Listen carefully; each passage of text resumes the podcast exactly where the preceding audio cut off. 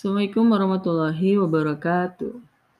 Mari kita lanjutkan pembahasan ayat 25 surat Al-Baqarah yang merupakan masih satu kesatuan dengan ayat 23 dan 24. Jadi ketika di ayat 24 Allah membahas tentang orang-orang yang kafir terhadap Al-Quran.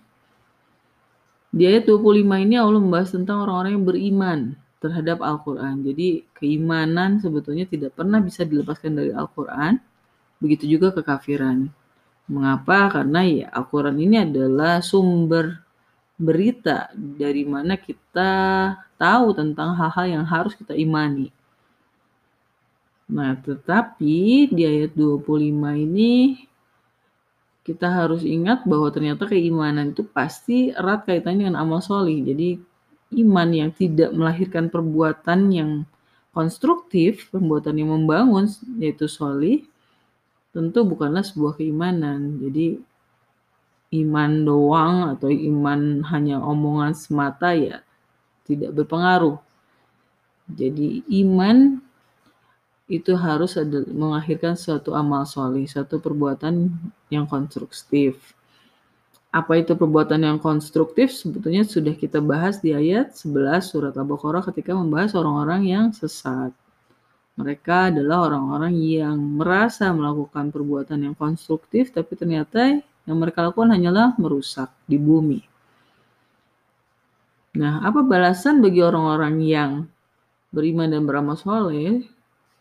Yaitu adalah surga yang di bawahnya mengalir sungai-sungai. Ketika Allah membahas tentang orang-orang kafir, Allah membahas bahwa mereka akan mendapatkan balasan neraka. Neraka itu panas. Sedangkan surga itu sejuk, dingin, segar. Karena ada air-air yang mengalir. Ini adalah suatu cara Allah menggambarkan dua keadaan yang sangat berlawanan, membuat kita bisa membayangkan perbedaan di antara keduanya. Nah, eh, selain kesejukan surga, Allah juga menceritakan atau menggambarkan bahwa di surga itu nanti kita akan mendapatkan rezeki yang serupa dengan yang pernah kita dapatkan di bumi, yaitu buah-buahan. Juga kita akan mendapatkan pasangan. Karena seperti yang kita sama-sama telah pahami, setiap manusia pasti ingin berbagi dengan pasangannya. Di dunia saja banyak manusia yang sangat bucin, mengabdi kepada cinta, budak cinta, ya wajar jika nanti di surga mengharapkan kondisi yang serupa. Jadi pertama kali Allah menggambarkan tentang surga, maka yang digambarkan adalah suasana yang serupa dengan kehidupan di dunia, di bumi. Mari kita bacakan ayat 25 surat Al-Baqarah ini. أعوذ بالله من الشيطان الرجيم وبشر الذين آمنوا وعملوا الصالحات أن لهم جنات تجري من تحت من تحتها الأنهار كلما رزقوا منها من ثمرة رزقا قالوا قالوا هذا الذي رزقنا من قبل وأتوا به متشابها ولهم فيها أزواج مطهرة وهم فيها خالدون.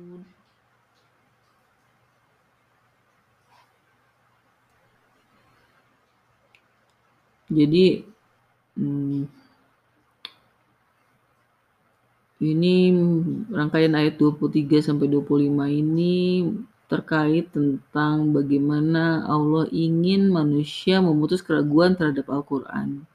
Jangan sampai keraguan terhadap Al-Qur'an itu membuat mereka terus ombang-ambing dan akhirnya mereka menjadi orang-orang yang tidak peduli terhadap Al-Qur'an dan kafir terhadapnya. Allah ingin setiap manusia menjadi orang yang beriman dan beramal soleh. Seperti yang telah kita bahas sebelumnya bahwa keimanan dan ketakwaan adalah tujuan Allah menurunkan Al-Quran ini dan dia berharap semua manusia menjadi orang-orang yang beriman dan bertakwa. Mengapa seperti itu? Karena memang ya manusia itu memang harus melengkapi dirinya dengan hmm, petunjuk Allah. Nanti kita akan bahas ketika kita membahas tentang Adam. Jadi mengapa manusia harus mengikuti Quran? akan lebih detail lagi dibahas ketika kita membahas tentang Adam alaihissalam. Tapi di ayat uh, 23, 24, 25 ini sebagai selingan antara penjelasan tentang Tuhan dan manusia, Allah ingin manusia memutuskan keraguan terhadap Al-Quran karena jika manusia masih meragukan Al-Quran, ya dia tidak akan pernah mencoba menelaah isi dari Al-Quran itu apalagi mengamalkannya. Ini akan menjadikan eh, manusia sendiri tidak berkembang atau tidak optimal tidak menjadi manusia yang paripurna yaitu manusia yang bertakwa. Jadi sebelum kita masuk memahami ayat-ayat lain tentang banyak hal ya memang kita harus dulu sampai kepada satu titik kesadaran bahwa memang Al-Quran itu kebenaran. Al-Quran itu sebuah kebenaran, suatu fakta. Dan kita harus memutuskan keraguan-keraguan kita terhadap Al-Quran.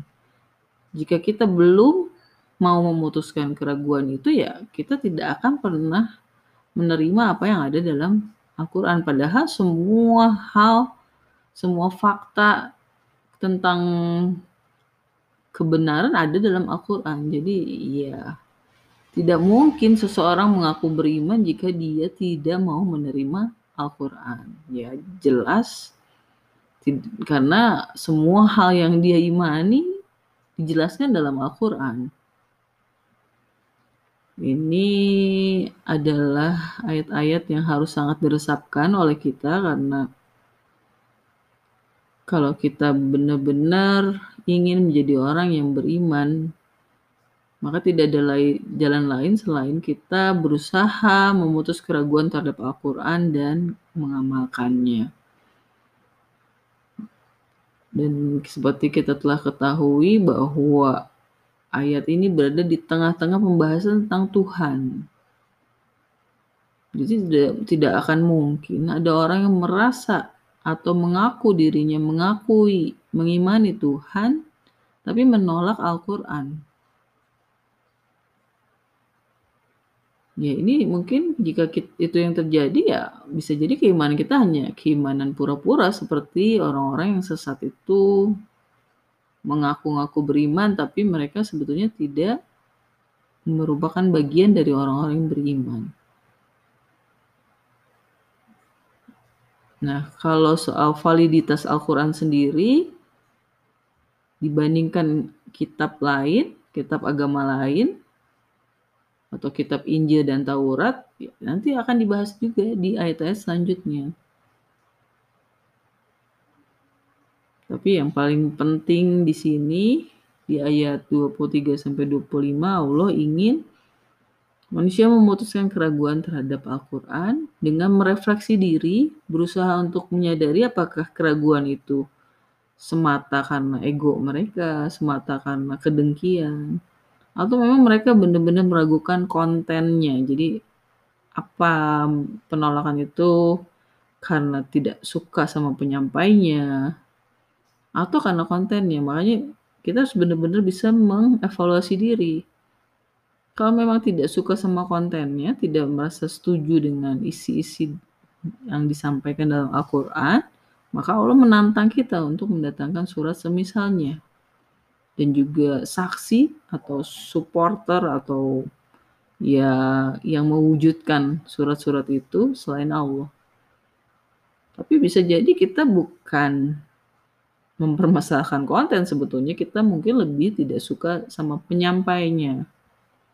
Itu ya yang Allah ingin evaluasi agar manusia bisa merefleksi diri lalu memutuskan keraguan terhadap Al-Quran. Sebelum kita tutup, kita bacakan lagi ayat 25 surat Al-Baqarah. A'udzu billahi minasyaitonir rajim.